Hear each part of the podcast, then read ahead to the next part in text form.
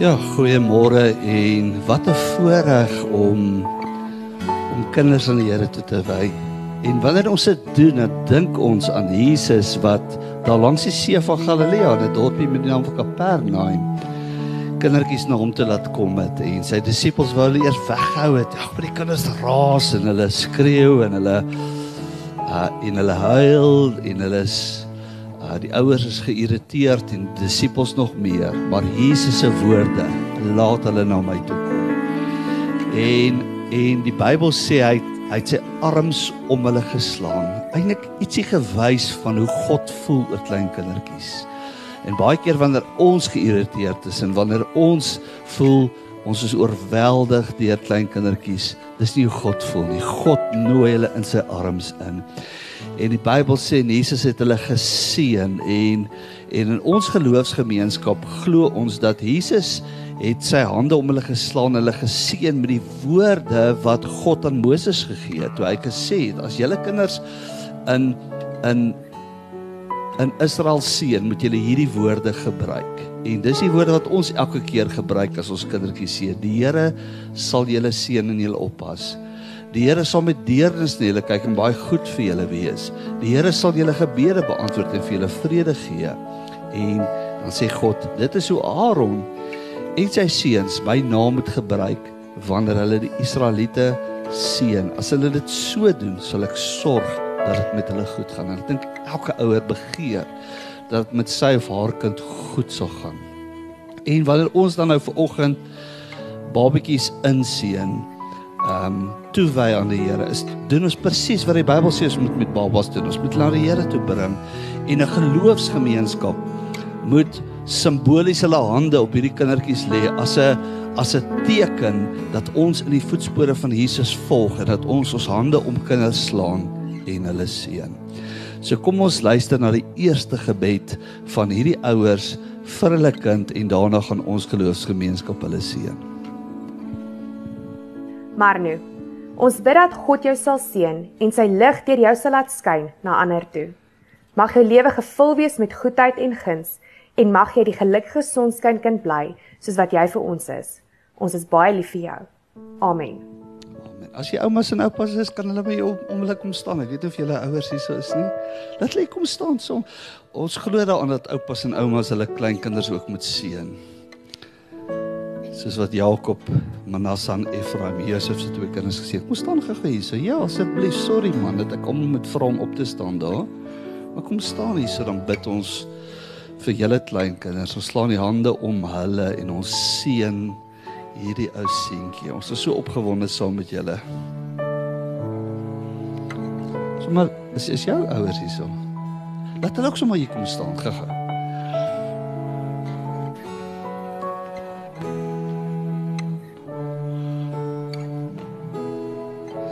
Kom ons steek ons hande uit na Marno en oupa kom sit jou hande op hierdie klein seuns van julle.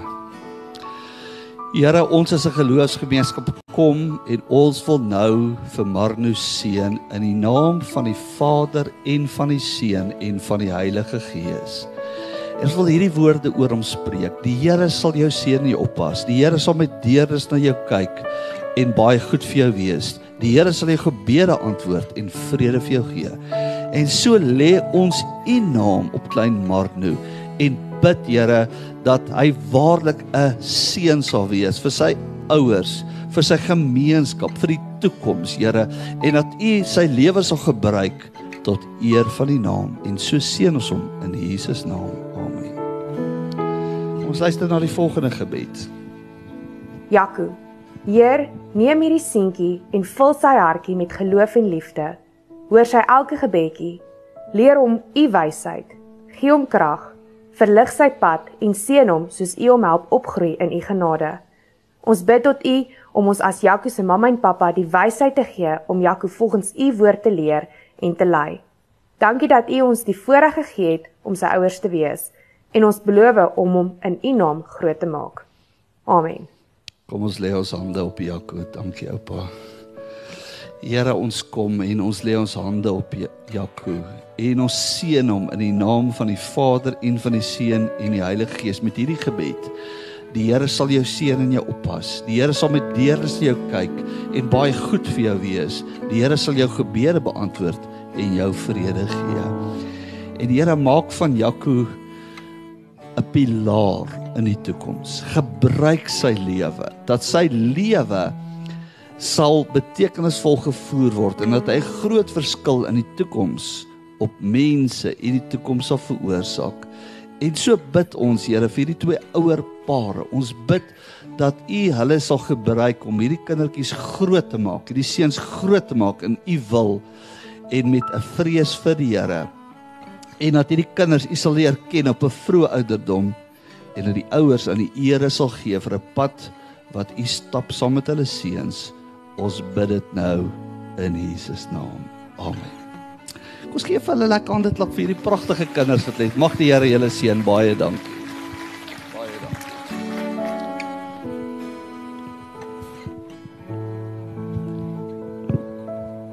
Dit ook net so herinnering toe ek volgens sien hoe, hoe groot bondel tieners daar uitstap. Jo, ons het 'n baie oulike program wat ons Sondagoggende aanbied, Credo.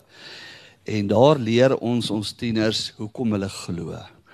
En ons maak hulle gereed vir 'n wêreld wat anti-Christelik is, dat hulle daar kan opstaan en met oortuiging kan sê wat hulle glo. En natuurlik ook sonnaande is ons diens vir jong mense en dan ook vrydaande ons tieners. So as jy 'n tiener het, jy sal jouself 'n verskriklike guns doen as jy jou tiener stuur. Um en hom en haar spreek wille kerk toe bring en toelaat dat die Heilige Gees daai kind se lewe beïnvloed. Daai kind sal nooit weer dieselfde wees nie. Ek wil ver oggend met jou praat oor 'n goddelike oortuiging van die hemel. En ons is besig in 'n reeks spreekreeks van boodskappe oor goddelike oortuigings. En ons het laasweek gesê die wêreld het mense nodig met oortuigings. Met 'n ruggraat vir God. En dit is die mense in die geskiedenis. Jy kan maar terugkyk.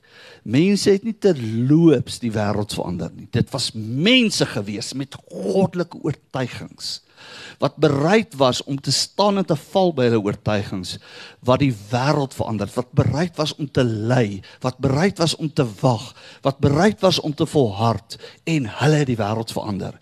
En een van hierdie persone waaroor ek graag vanoggend met jou wil praat is Paulus die apostel en die die teks waaraan ons hele preekreeks aanhaak is 2 Timoteus 1 vers 12 waar Paulus 'n verklaring maak.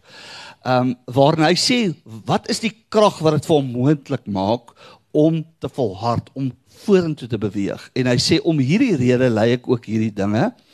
Ek skaam my nie want ek weet in wie ek geglo het en ek is oortuig dat hy die krag het om my pand te bewaar tot die dag toe. Hierdie was Paulus se oortuiging gewees dat hy het geweet wie God is en hy was absoluut oortuig dat God saam met hom is. Maak nie saak waar hy gaan nie, dat God saam met hom is en dat God sy weg gaan voorspoedig maak. En ek het laasweek so 'n bietjie gepraat oor wat oortuiging is. Het jy al 'n bietjie gedink oor Wat dink jy beteken oortuiging? Want oortuiging vir ons is verskriklik belangrik. 'n Persoon met oortuiging is die persoon wat wen, die persoon wat deurdruk, die persoon wat oorwin en oorkom.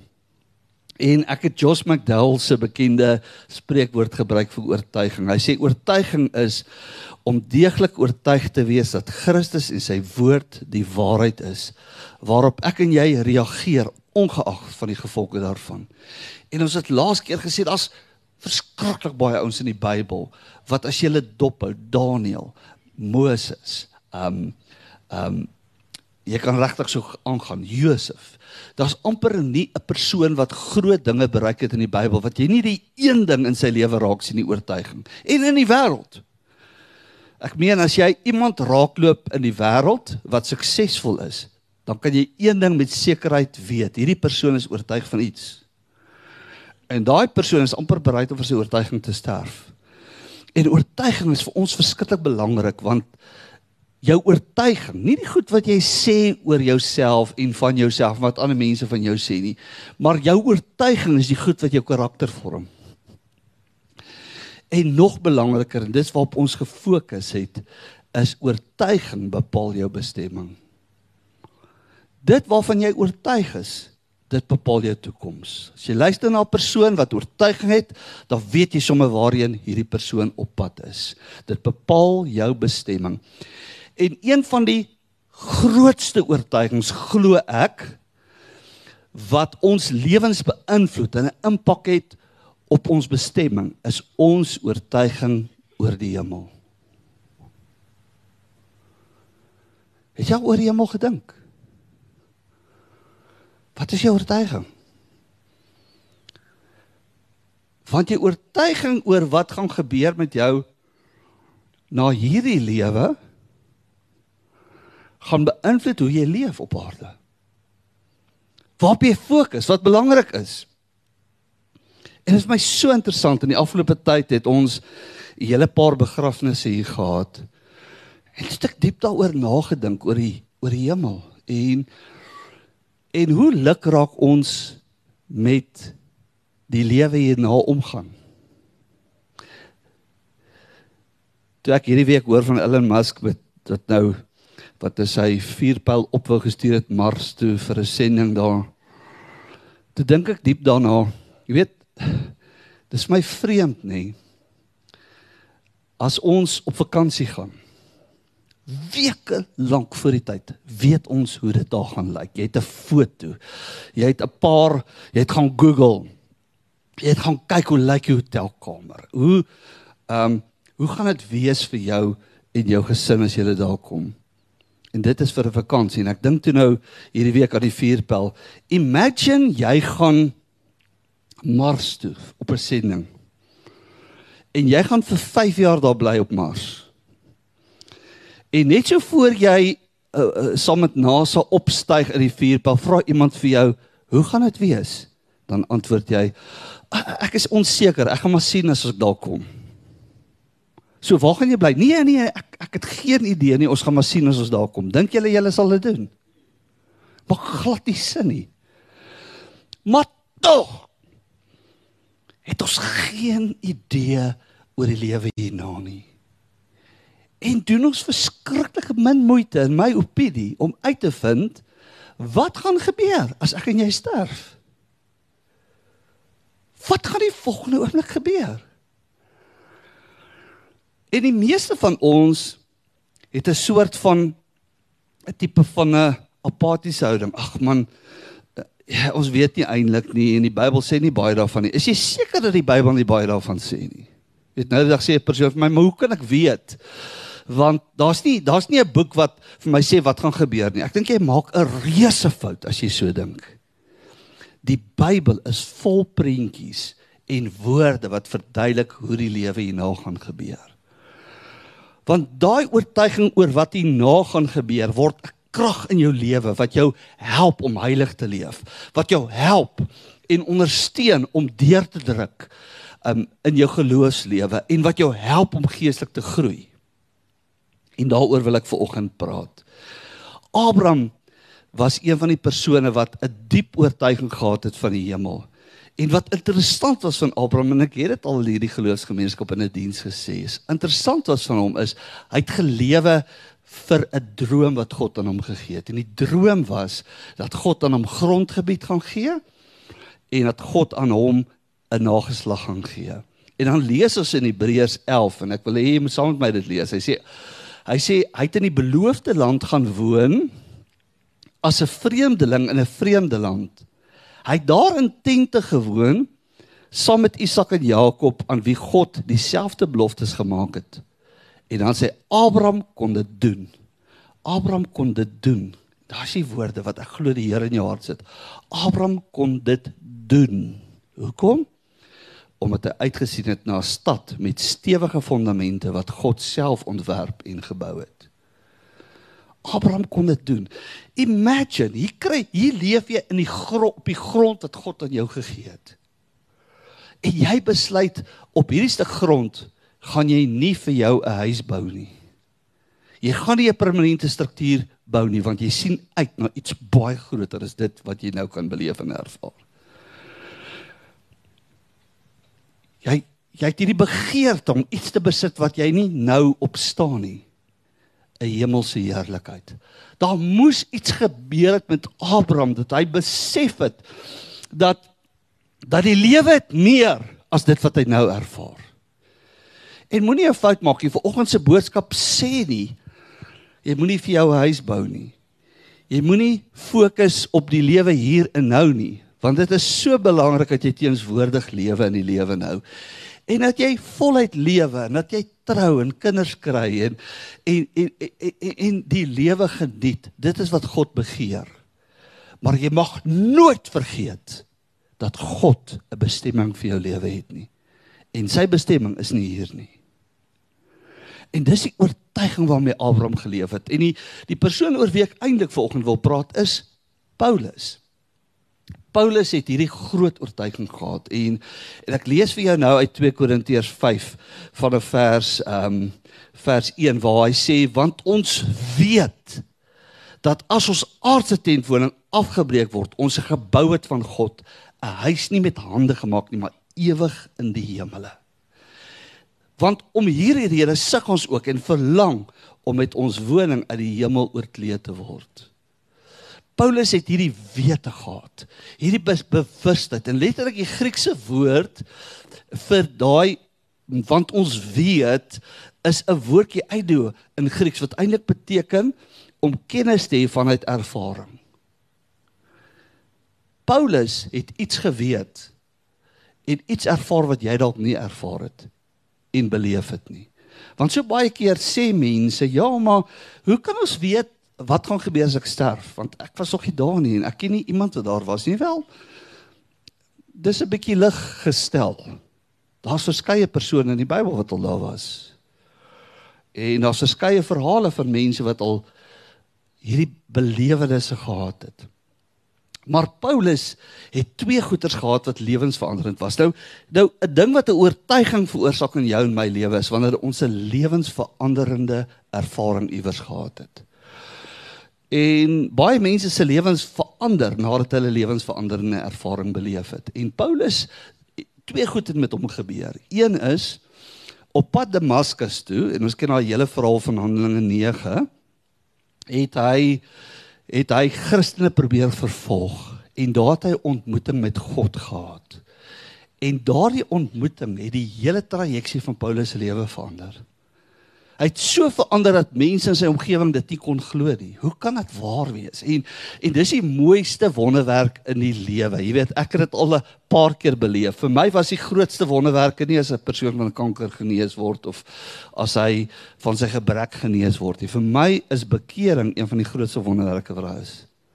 As 'n persoon wat se lewe suid gegaan het, 'n omkeer maak omdat hulle Christus Jesus ontmoet, verander en hulle lewens heeltemal verander daarna. Dit is vir my een van die grootste wonderwerke en dis wat met Paulus gebeur.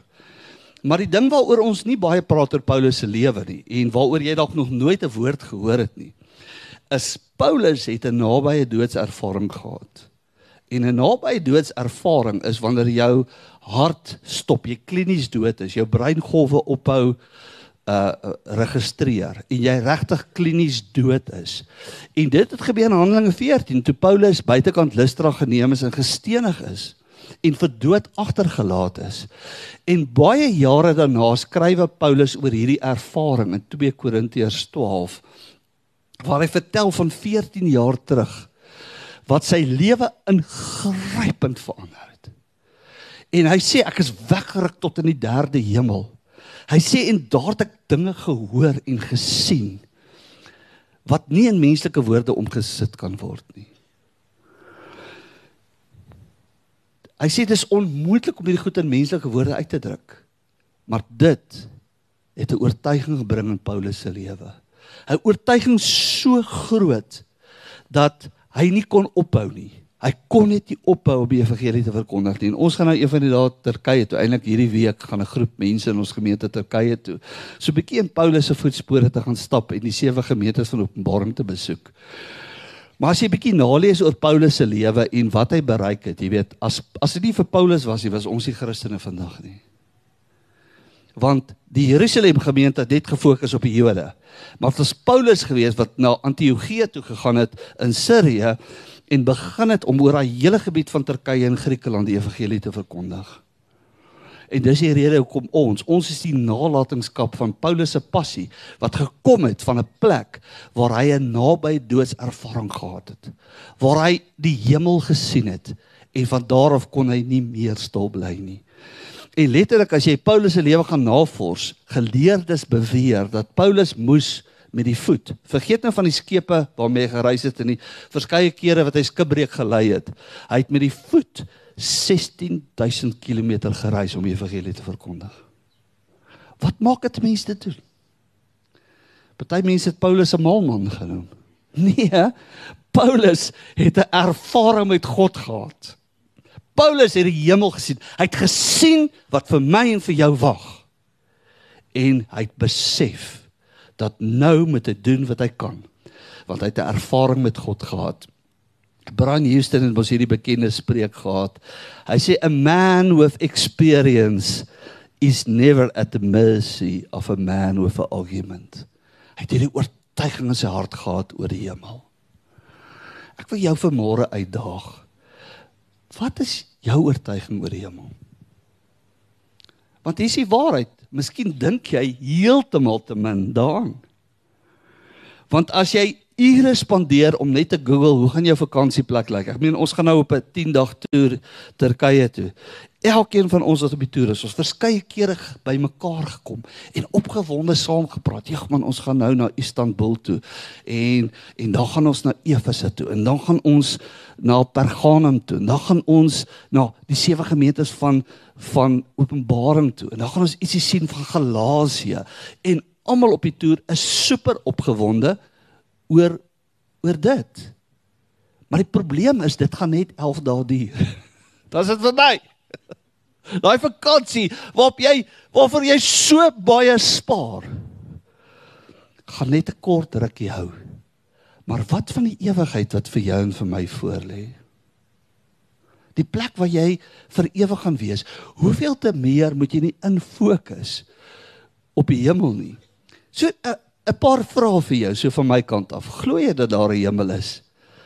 Of dink jy dat jou lewe aan 'n einde kom by die dood? Wat glo jy? Wat glo jy? Wat dink jy is die hemel? Hoe dink jy lyk die hemel? Wat dink jy gaan alles in die hemel wees? Wat dink jy gaan ons in die hemel doen? En is jy seker dat die hemel jou ewige bestemming is? Ek gee so 'n paar vrae om jou so sommer net so 'n bietjie die mekaar te krap om bietjie te dink oor dit alles. Dit so baie keer as ek hoor mense praat oor die hemel dan hierdie ouens is hulle dink aan die hemel as een van 'n wolkie wat bo die aarde dryf en jy sit met 'n eh, eh, met 'n engel en 'n harp daarin speel. Dis glad nie die hemel nie. Die hemel is 'n plek, 'n werklike plek waartoe mense gaan as hulle sterf.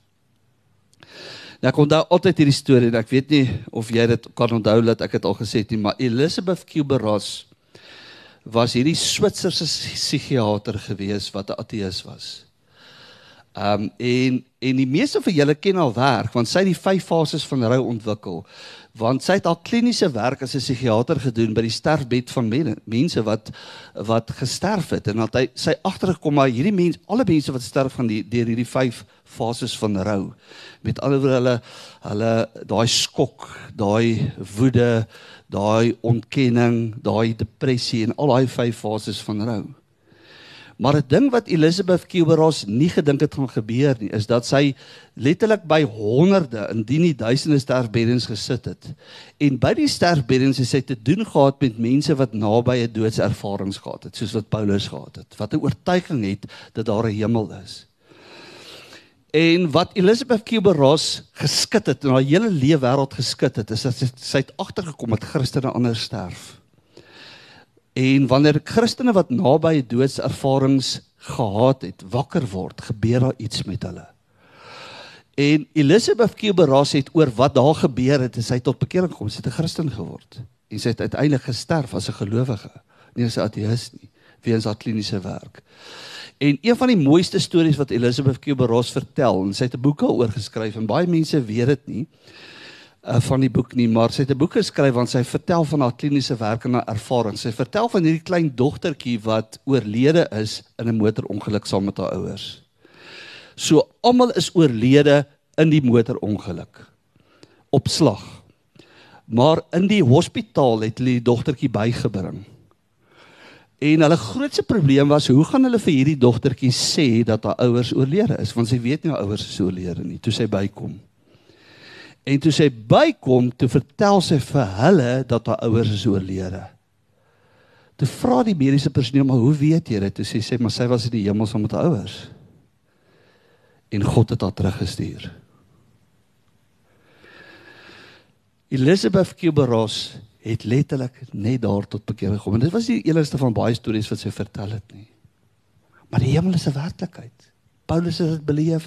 Jesus het dit gesê, ek gaan om vir julle plek voor te berei. As ek gaan om vir julle plek voorberei, sal ek julle na my toe neem sodat julle kan weet waar ek is. En hierdie oortuiging wat begin by 'n geloof in die hemel, behoort deel te wees van jou Christelike lewe. En dit die wonderlike boodskap dat die dood is oorwin deur die bloed van Jesus Christus aan die kruis. En dat ek en jy kan glo in die opstanding uit die dood. Ons kan glo dat wanneer ons sterf hier op aarde, ons onmiddellik ons oopmaak by God. En daardie bewustheid, daardie oortuiging behoort 'n impetus en 'n krag in ons lewens te word sodat ons elke dag lewe as gelowiges om meer heilig en nader aan Jesus te kom want daar lê vir ons 'n ewige heerlikheid voor. Maar ook om elke dag jouself te voed met woorde van geloof. Jy weet Paulus Paulus het op 'n stadium dit gesê. Hoor 'n bietjie sy woorde. Hy sê in Kolossense 3 vers 1. Hy sê as julle dan saam met Christus opgewek is, soek die dinge daarbo waar Christus is en aan die regterhand van God sit. Bedink die dinge wat daarbo is en nie wat op die aarde is nie. Wat sê Paulus eintlik? Maak julle kop vol van prentjies van wat vir julle wag dink oor oor die plek wat God vir jou voorberei het. En soos ek aan die begin van die diens gesê het moenie moenie moenie naïef wees om te dink dat die Bybel nie oor die hemel praat nie. En ek kan verskeie skrifgedeeltes nou vir jou noem maar ek wil dalk die boodskap eindig om dalk net so 'n paar dinge te sê want ons tyd het uitgehardloop. Dalk so 'n paar dinge oor die hemel te sê. Die hemel is 'n ware plek. Jesus het vir sy disippels gesê ek gaan om vir julle plek voor te berei in die hemel. En En as jy dink die hemel is nie werklik, gaan jy iewers tot 'n skok en tot 'n ontdekking kom dat daar is iets soos die hemel. En in watter dimensie die hemel bestaan, verstaan ons nie altyd te weet ons nie, want daai ons kennis is beperk. Maar wanneer jy jou Bybel oopmaak en jy hoor van Johannes, die disipel wat wat Jesus liefgehad het, ehm um, die jongste een van sy disippels, dan lees jy in Openbaring 4 en 5 dat hy weggeruk is tot in die derde hemel waarvan Paulus ook praat. En dan vertel hy van goeders wat hy daar gesien het, wat sy lewe totaal verander het. Die hemel is 'n werklike plek. En een van die belangrikste feite van die hemel is dat die hemel is mooier as enigiets wat jy ooit aan kan dink. Hier Paulus sê dit mos in 1 Korintiërs 2 vers 9 wat God vir ons voorberei het, wat hy ook nie gesien het, die oor nie gehoor het in die hart van die mens nie opgekom het nie. Johannes sê in Openbaring 21, jy weet en dis 'n Openbaring 21 en 21 en 22 is is eintlik 'n skrif ek het dit al hier gesê, skrifgedeelte wat elkeen van ons gedurende deur moet lees om 'n prentjie te kry vir die lewe hierna. Openbaring 21 sê Johannes toe ek 'n nuwe hemel en 'n nuwe aarde gesien. Want die eerste hemel en die eerste aarde het verbygegaan. Die see was nie meer nie. En ek het die heilige stad, 'n nuwe Jerusalem, uit die hemel sien neerdal van God af, toeberei soos 'n bruid wat vir 'n man versier is. Hy sê eintlik, ja, ouens, as julle nou dink 'n troue is mooi, as julle nou dink 'n bruid is mooi as hy die gangetjie afstap moet julle weet wat God vir julle voorberei het. Wat vir julle wag. En en regter die Bybel, ek ek kan nie nou al die skrifte vir jou vanoggend gee nie. Word die hemel vergelyk met 'n groot herehuis met baie kamers, 'n stad wat gebou is met kosbare juwele. 'n Verligte land, in die wolke en 'n troon omring met heilige engele. Die hemel is 'n onbeskryflike plek. Wat Paulus sê, ek kan nie ek het nie mense woorde om te wys wat ek gesien het nie. Maar ek kan julle een ding sê, nadat ek dit gesien het, het my lewe verander. Die trajeksie van my lewe verander en niks sal ooit weer dieselfde wees nie. Eden, die tuin van Eden sal herstel wees in die hemel. So kan ons aangaan. Jy gaan God duidelik sien in die hemel. Ehm um, Johannes sê in 1 Johannes 3 vers uh, 2. Hy sê geliefdes, nou is ons kinders van God. Dis nog nie hoe gaan bebaar wat ons sal wees nie, maar ons weet dat ons as hy verskyn aan hom gelyk gaan wees omdat ons hom sal sien soos wat hy is. Jy gaan God vir die eerste keer duidelik sien en ervaar en verstaan. Hy gaan nie meer onsigbaar wees nie. Jy gaan getransformeer word. Jou lewe, jou liggaam gaan getransformeer word. Paulus sê ons gaan almal verander word in 'n oogwink by die laaste bassein want die besuin sal blaas en die dooie sal onverganklik opgewek word en ons sal verander word. Ons gaan in nuwe verhoudings met mekaar wees. Um onreg gaan reggestel word. Het jy geweet daar gaan 'n dag kom dat onreg en korrupsie tot 'n einde kom? Daar gaan 'n streep getrek word en nooit weer sal iemand iemand anders te omkoop op 'n onregverdige manier doodmaak, skade doen, benadeel. Dit alles gaan iewers eindig. En dan dan gaan daar 'n 'n 'n 'n hemel wees sonder 'n plek sal wees sonder kwaad. Daar gaan alle soorte van kwaad sal afwesig wees. Alles wat goed is sal teenwoordig wees. Alles wat hartseer is sal weg wees. Dan gaan 'n dag kom wat jy nooit weer sal lydel nie. Waar jy nooit weer so teleurgesteld sal wees. Die teleurstelling sal verdwyn en net alles wat opwindend is sal verskyn. Alles wat neerdrukkend is sal weg wees en alles wat hoopvol wees sal daar wees. En so kan ek aangaan en aangaan en aangaan. Die hemel is 'n plek waar jy geen behoefte gaan hê nie. Openbaring 21 vers 6 sê en hy het vir my gesê dit is verby. Ek is die alfa en die omega, die begin en die einde. Aan die dorstiges sal ek gee uit die fontein van die water van die lewe verniet. Jy gaan nooit weer dors kry nie. Jy gaan nooit verhonger kry nie.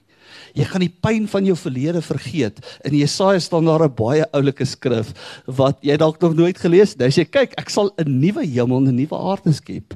Die vorige dinge sal nie onthou word nie. Dit sal ook nie eers in jou gedagte kom nie.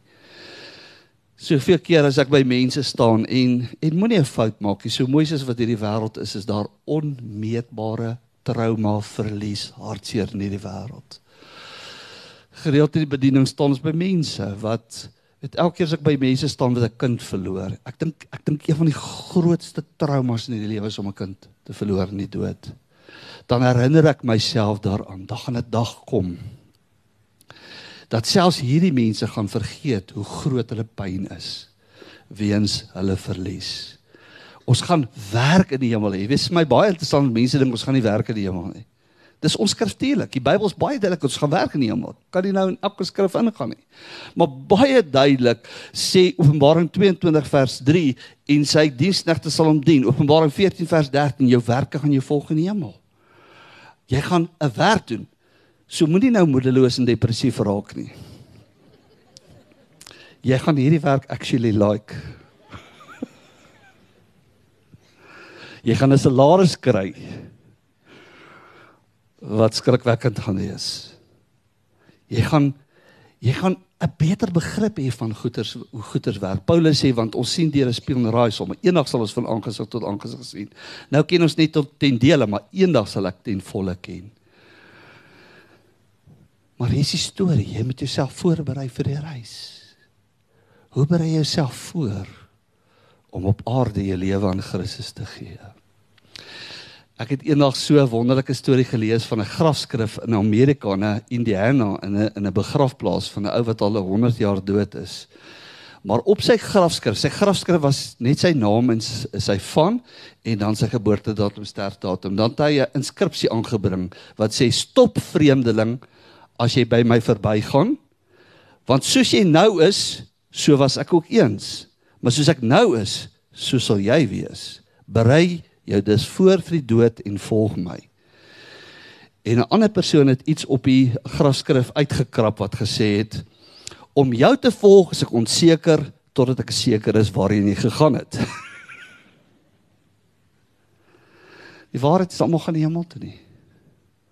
Sommige mense kies om nie hemel toe te gaan nie. Jy weet, So baie keer hoor ek hierdie spreekwoord van mense wat sê ja, maar God sal nie mense hel toe stuur. Natuurlik stuur God nie mense hel toe nie. Natuurlik. God stuur niemand hel toe nie. Maar mense kies om hel toe te gaan. Mense kies om om nie hulle geloof in Jesus Christus te plaas nie. Jou ewige plek is die hemel. Is dit nie fantasties nie? Maak nie saak wat op aarde met jou kan gebeur nie. Maak nie saak waar jy gaan nie. Maak nie saak wat jy beleef en ervaar nie.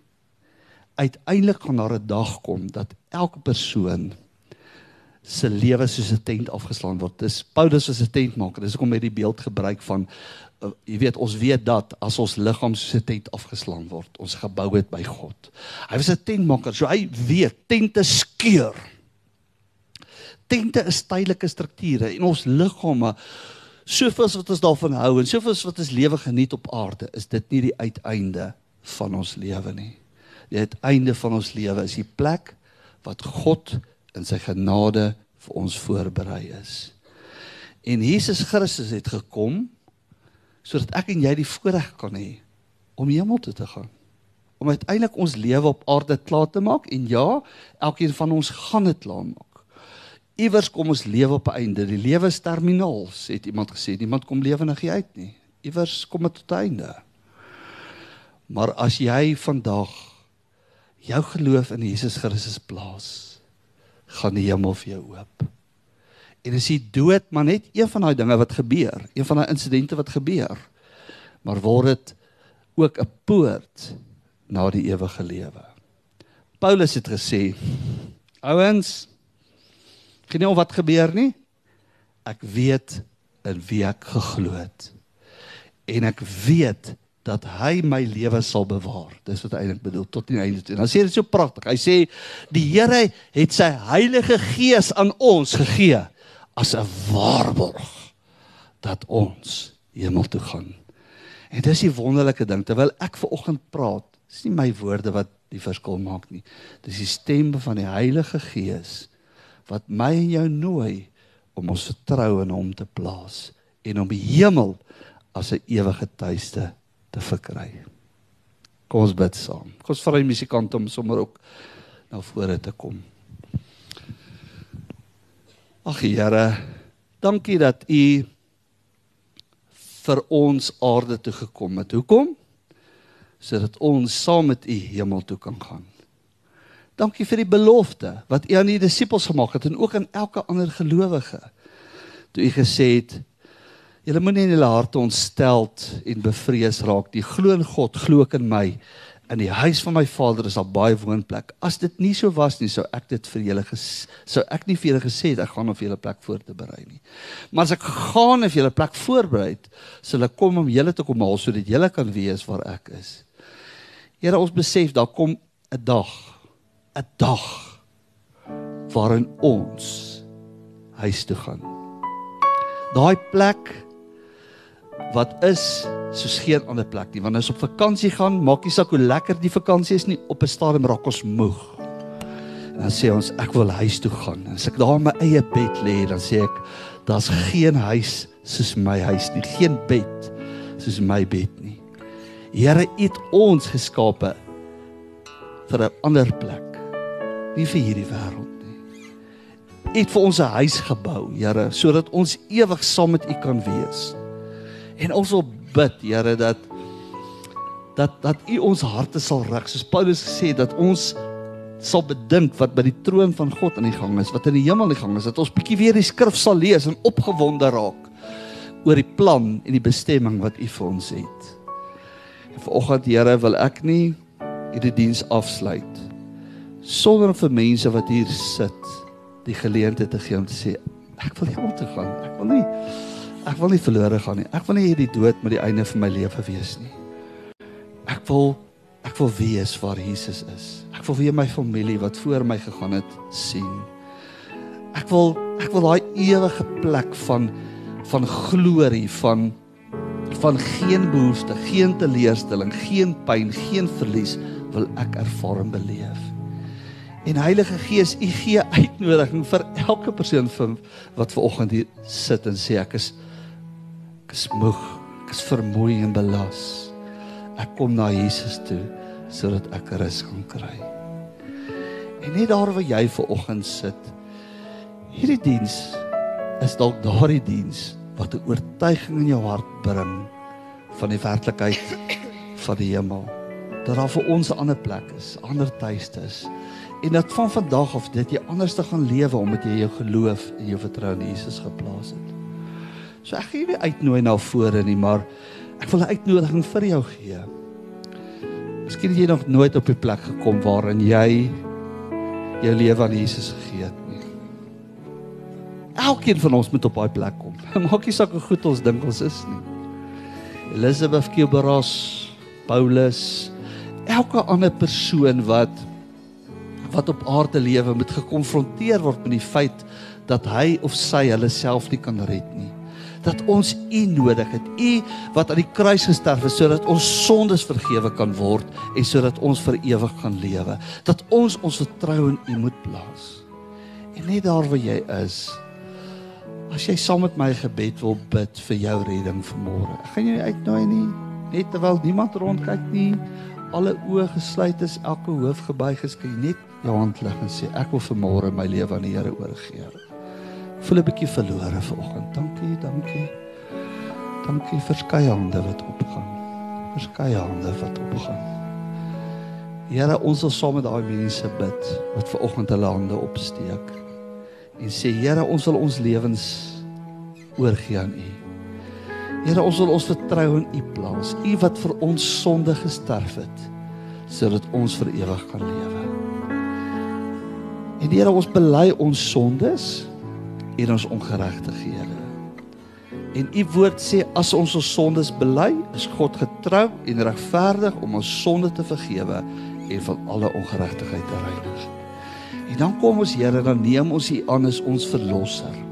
Want U woord sê in Johannes 1 vers 12, almal wat hom aangeneem het, aan hulle het hy mag gegee, aan hulle wat in sy naam glo om kinders van God te word. En Here, dankie vir elke persoon wat ver oggend die hand opgesteek het. Here, dat U gekom het aarde toe.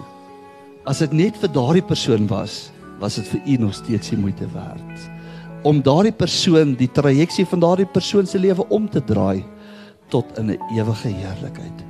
Ons eer U vir elke persoon wat ver oggend die hand opgesteek het en deel geword het van U kinders op aarde wat eendag wanneer U weer kom saam met U gaan terugkeer. En as U nie spoedig kom nie en hulle sterf voor daardie tyd, is hulle adres verseker gevestig in die hemel. En ek wil bid Here dat elke persoon wat in hierdie kerkgebou vanoggend sit, 'n nuwe visie van die hemel sal gee, van ons ewige tuiste sodat ons met passie en met oortuiging kan leef, net soos wat Paulus dit gedoen het. Ons bid dit vanoggend, almal saam in Jesus naam. Kom ons sê almal amen. Laat dit so wees. Kom ons staan op en gaan ons hierdie hierdie hierdie lied weer sing. Ons so praat. Ons vul die huis met die glorie. Dankie. Ag Lucia, ons het jou gemis hierdie laaste 4 Sondae hoor. Dit was verskriklik sonder jou. Nie dat hulle nie goed gedoen het nie. Maar jy sing so pragtig. Jy's so 'n blessing vir ons. Welkom terug. Kom ons sing hierdie lied weer saam. Vul die huis met die glorie.